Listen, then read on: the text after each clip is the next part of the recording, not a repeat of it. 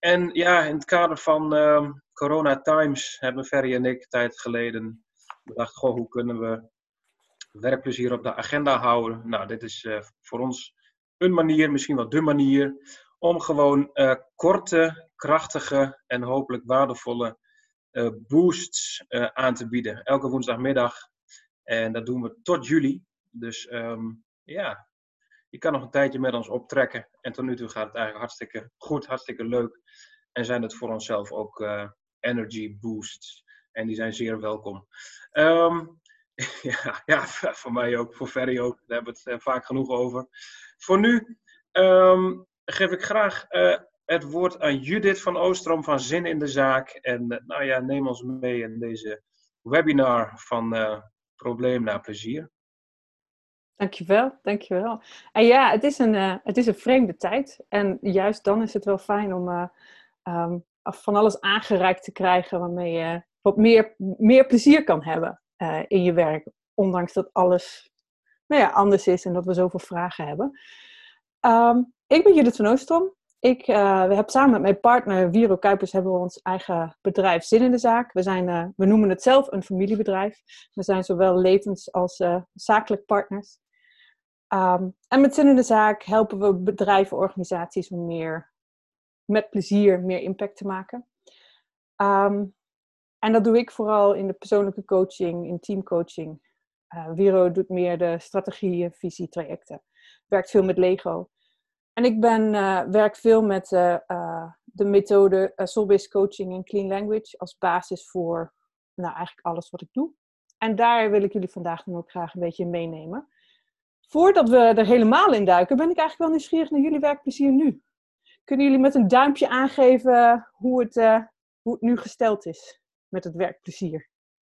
Ik zie ze omhoog. Ik zie ze zo. Ja, het is.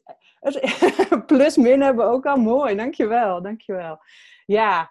ja, het valt in deze tijd nog niet mee om altijd plezier te hebben um, in je werk. Um, en ook ik loop af en toe vast. Um, gewoon omdat. Uh, gewoon omdat het. Nou ja, we zijn zo gewend om in probleem te denken en in, bij problemen te blijven en die door te analyseren totdat, het, totdat we niet meer kunnen.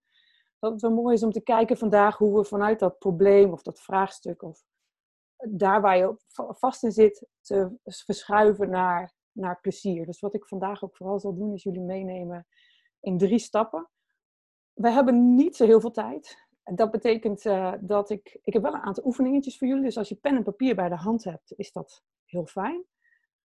Um, pen en papier. En um, als je vragen hebt, dan is het voor nu het handigst om die te bewaren tot aan het eind. Dan hebben we dan even de tijd om, uh, om de vragen te beantwoorden. Dus schrijf ze vooral op, neem ze mee. En dan uh, gaan we ervoor. Yes. Ik zie al mensen pen en papier pakken. Mooi. Ja, want problemen, dat is wel waar we uh, heel goed in zijn. Dat is ook iets wat, van nature, uh, wat we van nature doen. Al was het maar om onszelf te beschermen tegen de problemen. Dus het is niet zo dat problemen niet goed zijn. Het is niet zo dat problemen uh, ons niet verder helpen. Het is wel zo dat ze ons vaak geen energie geven. En dat het eigenlijk veel leuker is om daar op een andere manier mee om te gaan. En dat maakt ook dat um,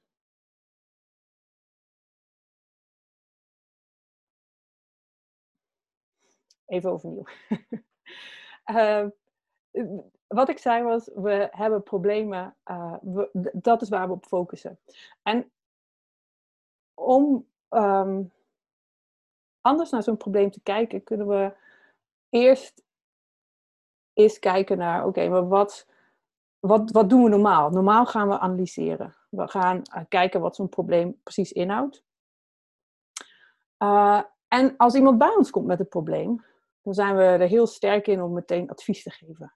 Dat is wat we, we willen de ander altijd heel graag helpen. Alleen dat advies, of we dat nou aan onszelf geven of dat, dat we dat aan een ander geven, dat advies dat is altijd gebaseerd op, wat, op ons systeem. Het, is onze, het zijn onze ervaringen, onze overtuigingen, onze pijnlijke en mooie herinneringen, onze emoties, onze gevoelens, alles wat in ons systeem zit, nemen we mee in het advies dat we geven. Terwijl het heel moeilijk is om te weten wat de ander precies, waar de ander precies staat.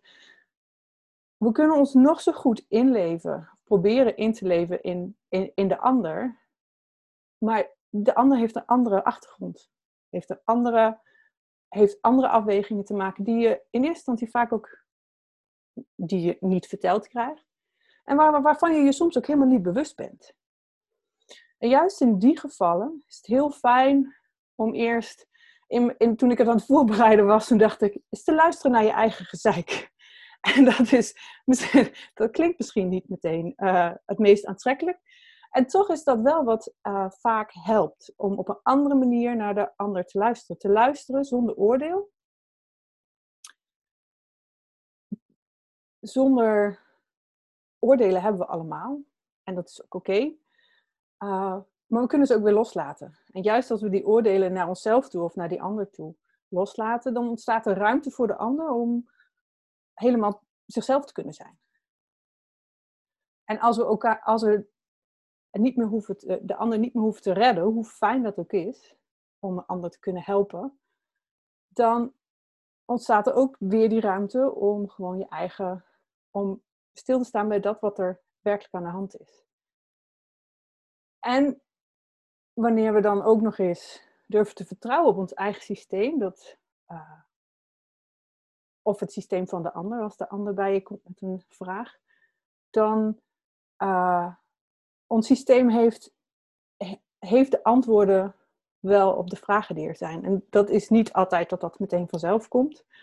Maar door de ruimte te geven, door iemand anders te laten praten of jezelf te laten praten, hoor je jezelf praten.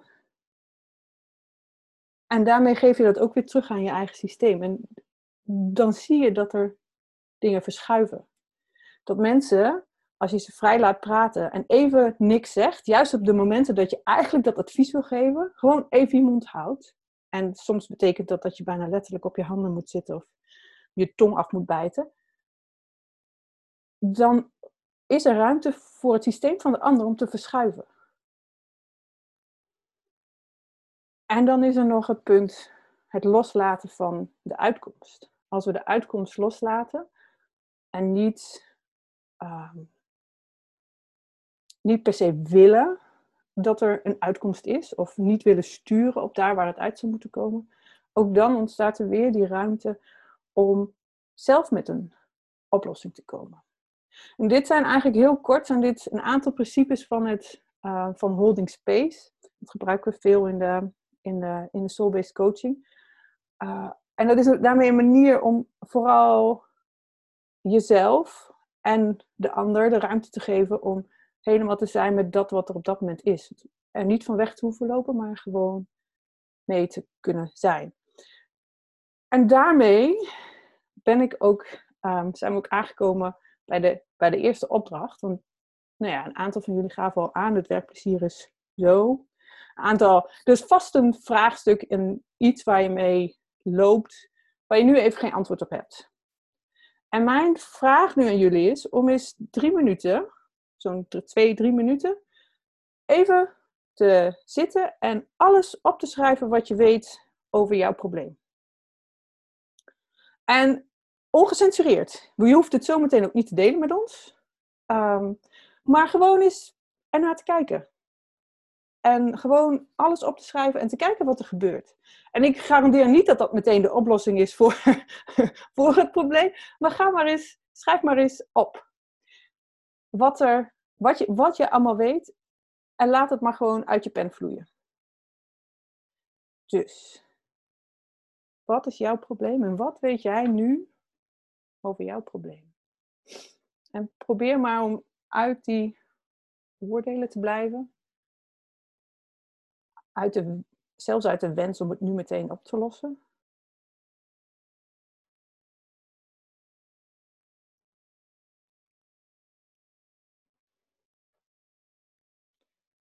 En dan kan het zijn dat drie minuten heel lang lijkt. Maar zelfs als het, als je denkt er komt niks meer, dan zul je zien dat er toch weer nieuwe dingen opkomen.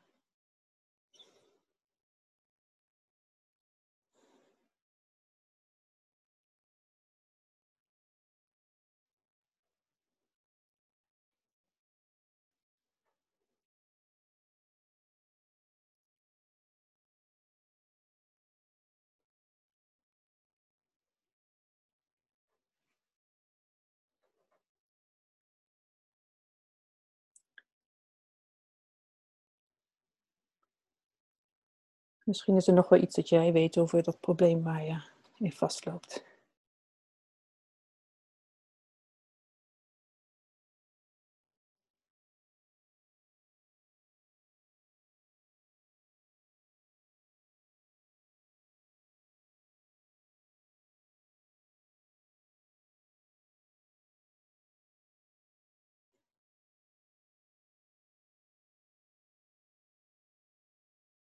Wordt druk geschreven.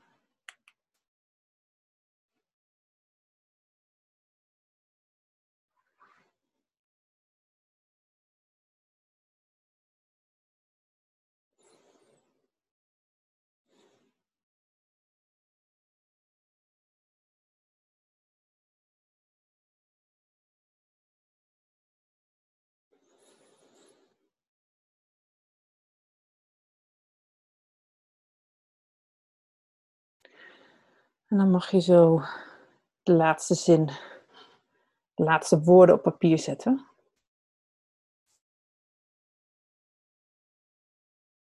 En dan uh, gaan we verder. Voordat we verder gaan, ben ik wel nieuwsgierig naar. Um, maakt het een verschil? Nu je dit allemaal zo opgeschreven hebt. En doe maar weer even gewoon met een duim, duim omhoog, duim en als er geen verschil is, is dat ook oké. Maakt het een verschil nu je het allemaal zo hebt opgeschreven? Niet zie ik. Wel. Half een beetje. mooi, mooi om te zien. Ja, en dat is wat ik al zei. Het is geen garantie dat er meteen allerlei verschuivingen optreden of dat, er, dat, je, dat de oplossing er is. Uh, en normaal zou ik heel benieuwd zijn naar wat er precies gebeurt. Alleen daar hebben we nu niet zo, niet zo heel veel tijd voor. Dus ik laat dat nu even voor, voor wat het is.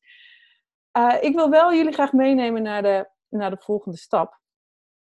En dat is, um, nu we, uh, nee, voordat we doorgaan naar de volgende stap, zijn er twee dingen die belangrijk zijn. De eerste is dat het dus niet per se uh, een oplossing tot gevolg heeft. De tweede is dat wanneer je met iemand praat en iemand komt bij jou uh, met, met een vraagstuk en je ziet dat diegene zo vastzit dat, dat er geen weg uit is, dan is het wel belangrijk dat je wel ingrijpt. In heel veel gevallen kunnen mensen heel goed zelf hun eigen, eigen problemen oplossen. Maar als je ziet dat iemand uh, met het vraagstuk waar hij mee bezig is, of het nou heel persoonlijk is, juist helemaal vast dreigt, te raken en er, en er niet goed uitkomt, dan is het wel belangrijk om gewoon wel die helpende hand te bieden. Want we willen ook niet dat, er, dat de ander helemaal uh, wegzakt. Of nog meer, nog meer het probleem ervaart. En wat we dan juist wel kunnen doen, dat is kijken naar waar we uit willen komen. En dat klinkt heel voor de hand liggend. Toch is dat lang niet altijd zo vanzelfsprekend. Want met dat we zo op het probleem gericht zijn, beperken we onszelf en is ons blikveld eigenlijk heel, heel nauw geworden. Um, dus wat, we, wat je doet op het moment dat je op zoek gaat naar een gewenste uitkomst, dan zie je dat mensen heel vaak er niet eens over nagedacht hebben. Zo vaak gebeurt het me dat ik in, in een uh, gesprek zit en dat mensen zeggen: Oh, maar daar heb ik nog helemaal niet over nagedacht. Doordat we, doordat we zo met het probleem bezig zijn, um, maken we onze eigen blikveld zo nauw dat we dat naar, naar buiten kijken eigenlijk helemaal kwijt zijn. Een andere reden om juist naar die, naar die gewenste uitkomst te kijken, is dat dat wat je aandacht geeft groeit. Nou, dat is voor niemand heel onbekend, denk ik. Ehm, en juist dat is wat we willen. We willen dat wat, waar je het wel naartoe wil, dat dat, uh, dat, dat groter wordt. En dat, daar, dat, daar, dat is ook waar je de energie en de motivatie uithaalt. En een gewenste uitkomst biedt ehm, onverwachte oplossingen. Het gaat voorbij aan de, aan de, aan de oplossing zelf, uh, door te kijken wat het, het grote geheel is, de, het, het grotere doel wat je wil bereiken. En daar is altijd, uh, zijn er meerdere op, oplossingen voor. Dus door te kijken naar, naar een gewenste uitkomst, zie je dat er in één keer veel meer mogelijk is. En op het moment dat je kijkt naar een gewenste uitkomst, is het, uh, heb je, geef je de leiding terug aan jezelf of aan de ander, afhankelijk van, van de situatie. Maar, uh, en dat is eigenlijk wat je wil, want je wil zelf weer in de lead zijn.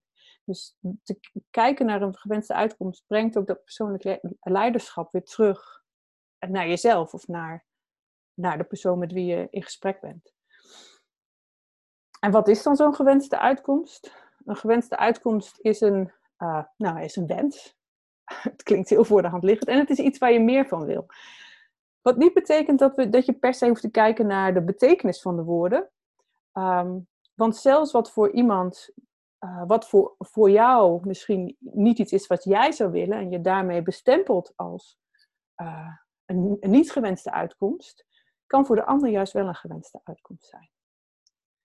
En er is één um, vraag die, uh, die wij ook wel de, de million dollar question noemen. Elk, dat, en die vraag kan je echt in elk moment uh, jezelf stellen of aan de ander stellen op het moment dat er een vraag, probleem voor ligt. En dat is, wat zou jij willen dat er gaat gebeuren? En dat klinkt soms een beetje als een, uh, als als een de, de, de zinsopbouw is een beetje raar, dus het is een beetje, soms een beetje oefenen met, uh, met de vraag stellen. Maar eigenlijk in, elke, in elk gesprek waar je, waar je een probleem tegenkomt, kan je deze vraag stellen. En of dat nou is met je huisgenoten, met je kinderen, met je, uh, met je collega's of dus met jezelf. Op het moment dat jij voor jezelf de vraag stelt: en wat zou jij willen dat er gaat gebeuren met het vraagstuk waar jij nu mee, mee zit, dan ontstaat er openheid. En er zijn mensen die heel goed in staat zijn om nog steeds om weer terug te komen met een, met een, met een nieuw probleem. Omdat die zijn, sommige patronen zitten zo diep dat, dat uh, die heb je niet zomaar aangepast. Maar op het moment dat je uh, dan weer blijft vragen en wat zou je willen dat er gaat gebeuren, er komt een moment dat iemand de omslag gaat maken. En soms duurt dat heel lang, maar in de meeste gevallen heb je in één of twee keer vragen ben je wel bij daar waar je naartoe wil. Nou, dan voel je hem waarschijnlijk al aankomen. Jullie hebben net alles opgeschreven rond je, rond je probleem. En dan is nu de vraag, als je dat nog eens een keer zonder oordeel leest, wat zou je willen dat er gaat gebeuren? En schrijf dat ook maar even op. Wat zou je willen dat er gaat gebeuren? Dat vraagstuk waar jij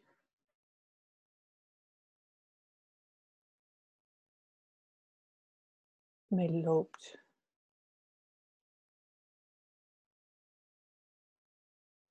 En is er nog iets over dat wat jij wil? wat er gaat gebeuren.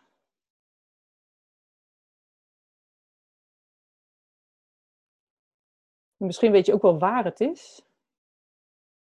Waar het zich plaats afspeelt op het moment dat je weet wat je wil dat er gaat gebeuren.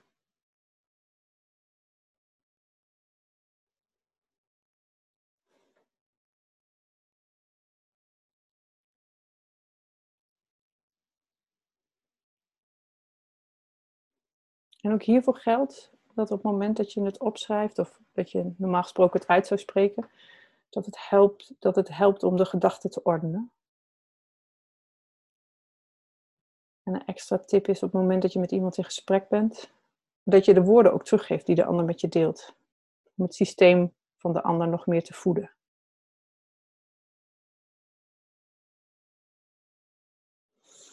Nou, En als je dan weet wat je wil, dan is uh, de, de derde stap, is om dat ook te visualiseren.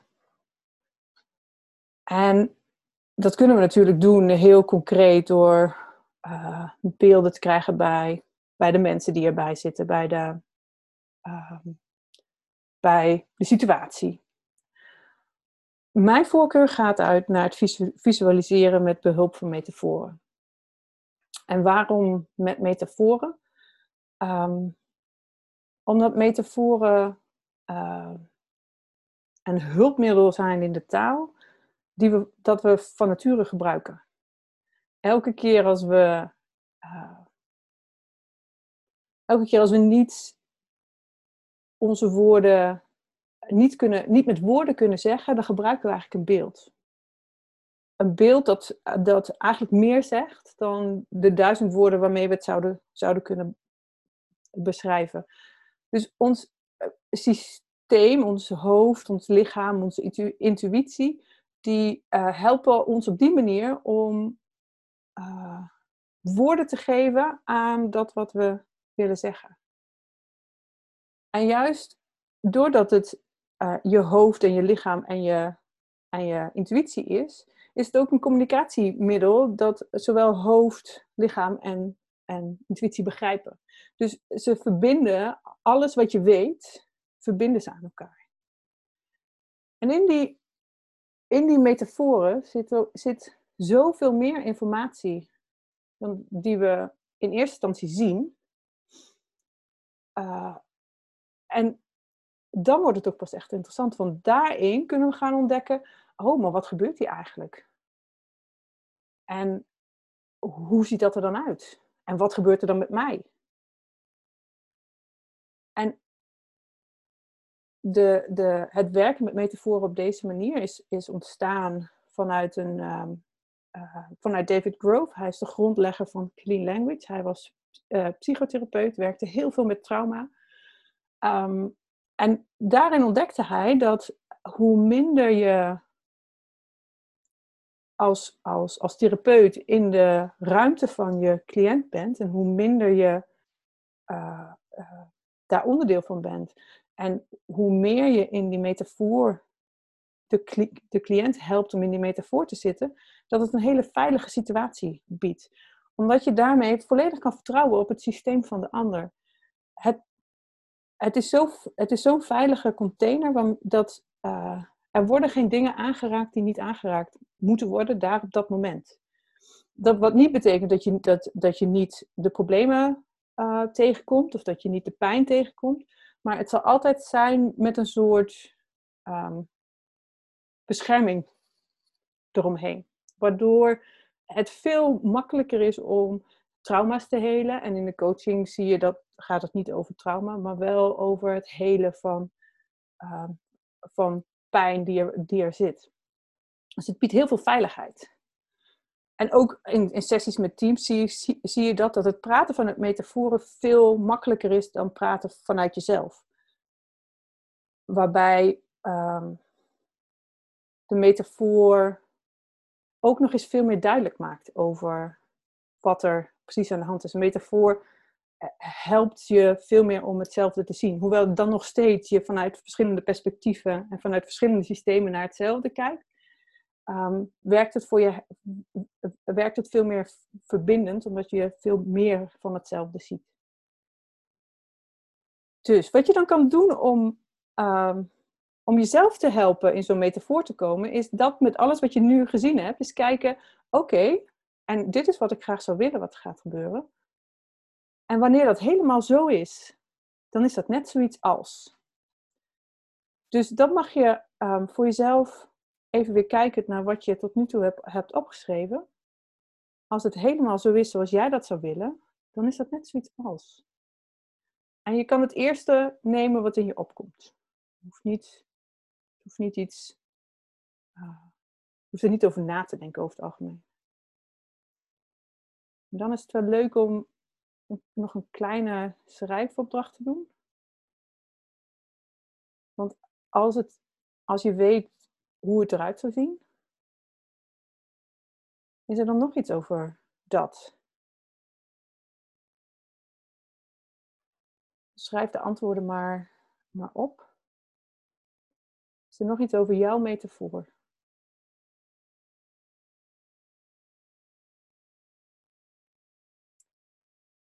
Dan weet je ook waar die is.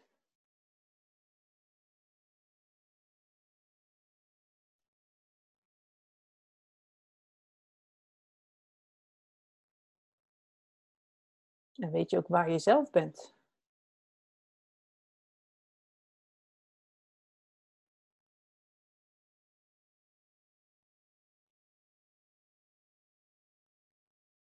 En wat er dan met jou gebeurt als het helemaal zo is zoals jij dat zou willen.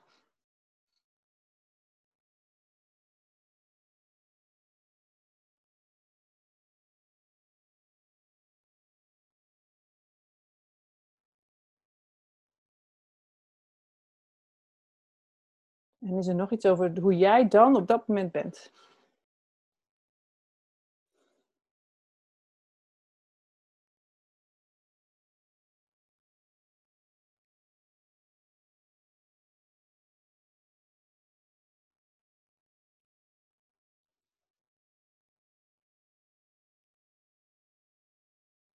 Nou hoop ik dat jullie allemaal in ieder geval een beetje een beeld hebben over hoe dat er dan uit komt te zien.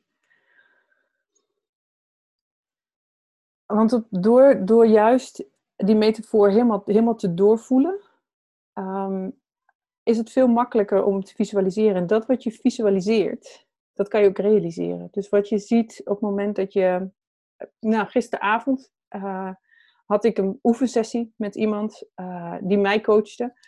En daarbij was de vraag, wat zou jij willen dat er vandaag gaat gebeuren? Uh, en toen hebben we een sessie gedaan over dit webinar. Gewoon om voor mezelf ook een beeld te krijgen bij hoe dat eruit zou zien. En ik had een beeld van de clown in de, in de arena die zijn eigen ding doet. En dat, dat, dat beeld, door dat beeld op te roepen en helemaal te doorvoelen, kon ik vandaag veel makkelijker in de energie stappen die nodig is om dit nu te doen. En um, en dat geldt eigenlijk altijd als je werkt met metaforen. Door het helemaal te doorvoelen kan je, um, kan je de volgende keer er altijd weer gebruik van maken. Dus, om van concluderend, om van probleem naar uh, plezier te komen, zijn de, is de eerste stap eigenlijk om eens even stil te staan. Zonder oordeel stil te staan bij dat wat er op dit moment is. En er ook nieuwsgierig naar te zijn en open naar te kijken. En dan is de tweede stap om vanuit dat probleem naar de gewenste uitkomst te komen met de vraag: en wat zou jij willen dat gaat gebeuren? En die vraag kan je dus net zo goed aan jezelf stellen als aan degene met wie je op dat moment aan tafel zit. En wil je het een extra verdieping geven, dan kan je dan wel daar alleen maar over het antwoord al verhelderende vragen of open vragen over stellen. Maar het mooiste is als je het kan helpen richting echte visualisatie. Het liefst, nou ja, mijn voorkeur gaat uit naar de metaforen, maar dat is lang niet altijd uh, uh, um, haalbaar in een kort gesprek. Maar als je dan de kans hebt om het voor jezelf te doen, is, uh, is, het, is het om te turnen in een metafoor en te kijken hoe dat voelt, hoe je dan bent. En daarmee voelt het alsof ik heel snel heel veel gedaan heb. en jullie echt uh, helemaal door heb, heb gesleurd. Ik hoop dat, het, uh, dat, er, dat er wel uh, het een en ander blijft hangen. Um, en als jullie vragen hebben nu, dan hoor ik ze graag. Vragen of opmerkingen. Of als je wilt delen wat het voor je, um, voor je gedaan heeft, dan mag dat in de chat als het goed is voor degene die nog niet, uh, nog niet eerder Zoom hebben gebruikt, onder in je scherm zie je een, uh, een icoontje met chat. En daar kan je dan uh, daar kan je in reageren.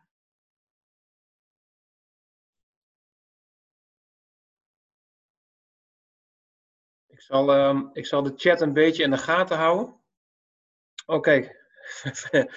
Ik merk dat het metafoor energie en zin geeft, reageert uh, Ferry. Uh, ja, die, dat heb ik zelf ook gemerkt. En ik moet eerlijk zeggen, ik kwam later op gang. Ja, ja echt bijna op het laatst. Toen dacht ik, ah oké, hier zit hij. Oh, ja. Ja. En, um, en ik vind het, ik weet niet, ik, ik, heb ook een vraag. Heb jij iets van een, een, PowerPoint of heb je iets wat je kan delen met, met iedereen die nu heeft meegeluisterd, meegekeken? Ja, ja, ik heb een PowerPoint. Ik heb hem nu niet gebruikt, maar ik heb hem, uh, ik heb hem klaar liggen, dus ik kan, hem, zo, uh, ik kan hem zo delen. Ja. Omdat de vragen wel heel krachtig zijn en um, op een ander moment ook weer uh, heel toe, toepasbaar zijn, denk ik. Ja. ja. Maar ik, ik deel met Ferry inderdaad dat hij, het geeft energie en het geeft zin. Dus um, ja, ik, ik, vind dat wel, ik vind dat wel mooi. Ja. ik, ik, ik, ga, ik, ga, ik ga het verder niet delen hoor. Yvette geeft een duim. Ja, mooi. Ik ben wel benieuwd wat het, uh, wat het moment was um, dat, er, dat er energie kwam. Dat ben ik gewoon een stukje nieuwsgierigheid. Wat, wat, voor Ferry, wat, wat was het voor jou het moment? Dat er, was het meteen in het begin of was dat, duurde dat even? Um, nou, dat was eigenlijk op het moment dat je ook door ging vragen. Want ik kreeg een uh, metafoor voor me en toen vroeg je ook door van waar is dat dan precies? Uh, even kijken, hoe zit je erbij? Dat soort vragen. En toen ging ik het echt wat meer doorleven. Zo van, oh ja, dit is wat het is. En toen, uh, toen werd het echt een heel mooi levendig beeld. Ja, mooi, dankjewel. Ja. ja, en voorbeelden helpen. Ja, dat klopt. Ja, en de, um, gezien alle, alle tijdsdruk. Normaal gesproken doe ik, doe ik dit in een anderhalf uur workshop, zeg maar. En dan hebben we uitgebreide tijd. En nu moest ik in een half uur moest ik ervoor zorgen. Dus ik ben de voorbeelden vergeten, maar die, die neem ik voor de volgende keer zeker mee. Dankjewel. Nou, Christel geeft nog aan dat jouw voorbeeld van de clown ook uh, heel erg hielp. Ja. ja. Uh, en Ra uh, Rachel, de metafoor, helpt ook om het te doorvoelen. En, en, en dat is ook zo, ja. Ik had voor mijzelf als, als beeld, ik heb er ook wat woorden aangeplakt hoor, maar open hart, open wil, open geest. En dan voornamelijk loslaten op wat leidinggevenden drijft. Daar ben ik zo, zo nieuwsgierig naar. Wat is nou het motief dat jij gaat leiding geven of een team gaat aansturen?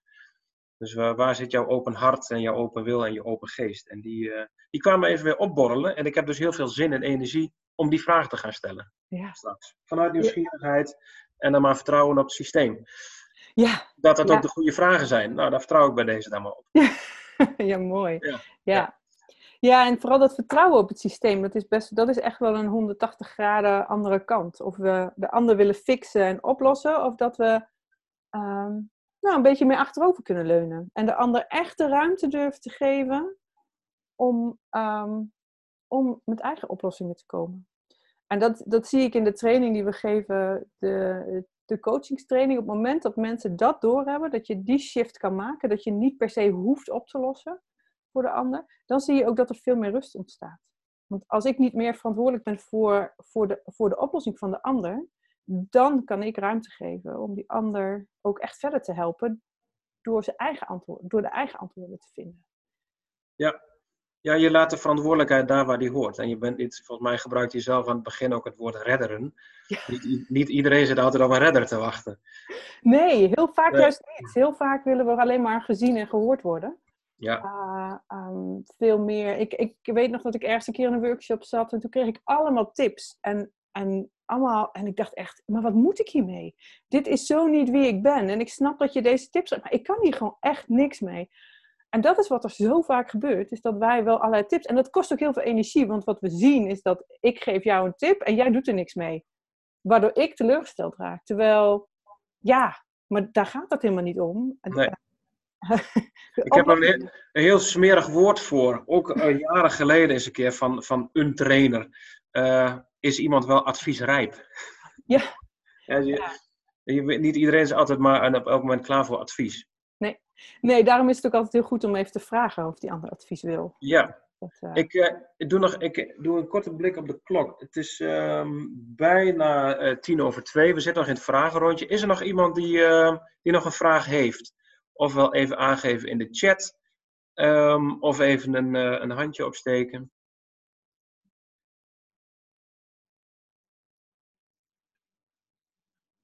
Geen vragen volgens mij. Ik zie het ook niet in de chat. Uh, Judith, heb jij nog iets wat je uh, als laatste wil, uh, wil meegeven, afsluitend? En dan blik ik heel kort straks nog even vooruit op het thema van volgende week. Um, is er nog iets dat ik wil meegeven? Nou, als je later nog vragen hebt of als je later nog iets wil weten, dan neem, neem, neem contact op. Um, ik zal zorgen dat, de, dat jullie de PowerPoint krijgen. En dan wens ik je vooral heel veel plezier en um, heel veel uh, leuke oefening met, dit, uh, met, met de vraag stellen en uh, het op deze manier doen. Ja. Super. Ik denk heel praktisch, zou je misschien nu een bestand kunnen delen? Volgens mij kan dat via Zoom File. weet je zo ja, dat heb ik dus niet goed ingesteld. Weet je, dan, dan doen we het anders. Als je, dat hebben we bij andere webinars ook wel gedaan als, uh, als jij als uh, kijker, luisteraar nu uh, graag de PowerPoint ontvangt, stuur dan even een, um, een mailtje naar ferry.dagvanhetwerkplezier.nl of selma.dagvanhetwerkplezier.nl en dan krijg je van ons de PowerPoint toegestuurd. Dat is misschien voor dit moment het meest praktisch dan. Ja. Hey Judith, dankjewel voor de 30 minuten of 40 inmiddels met het vraagrondje erbij voor de boost, voor de energy. Um, en voor uh, iedereen die, uh, die er volgende week ook weer bij wil zijn. Uh, het thema is dan plezier. Eén woord, plezier. Eh, en we geven er weer een andere invulling aan, zoals Judith dat vandaag heeft gedaan. die verzorg ik met, met Ferry. En het gaat voornamelijk over um, waar vind je het plezier in, in jouzelf. En dan toegelicht vanuit het model van ouder, volwassene en kind. En je zal begrijpen dat het plezier voornamelijk in, uh, in het kinddeel zit. Probeer daar maar eens bij te komen als het uh, even lastig is. Nou ja, daar gaat, uh, daar gaat het volgende webinar over, weer 30 minuten. Um, nou, voor nu, Judith bedankt. En jij als luisteraar, kijker, ontvanger van de webinar, ook bedankt. En tot de volgende boost, zou ik zeggen. Ja, dankjewel. Dank jullie wel. Tot de volgende keer. Dankjewel, oh, Judith.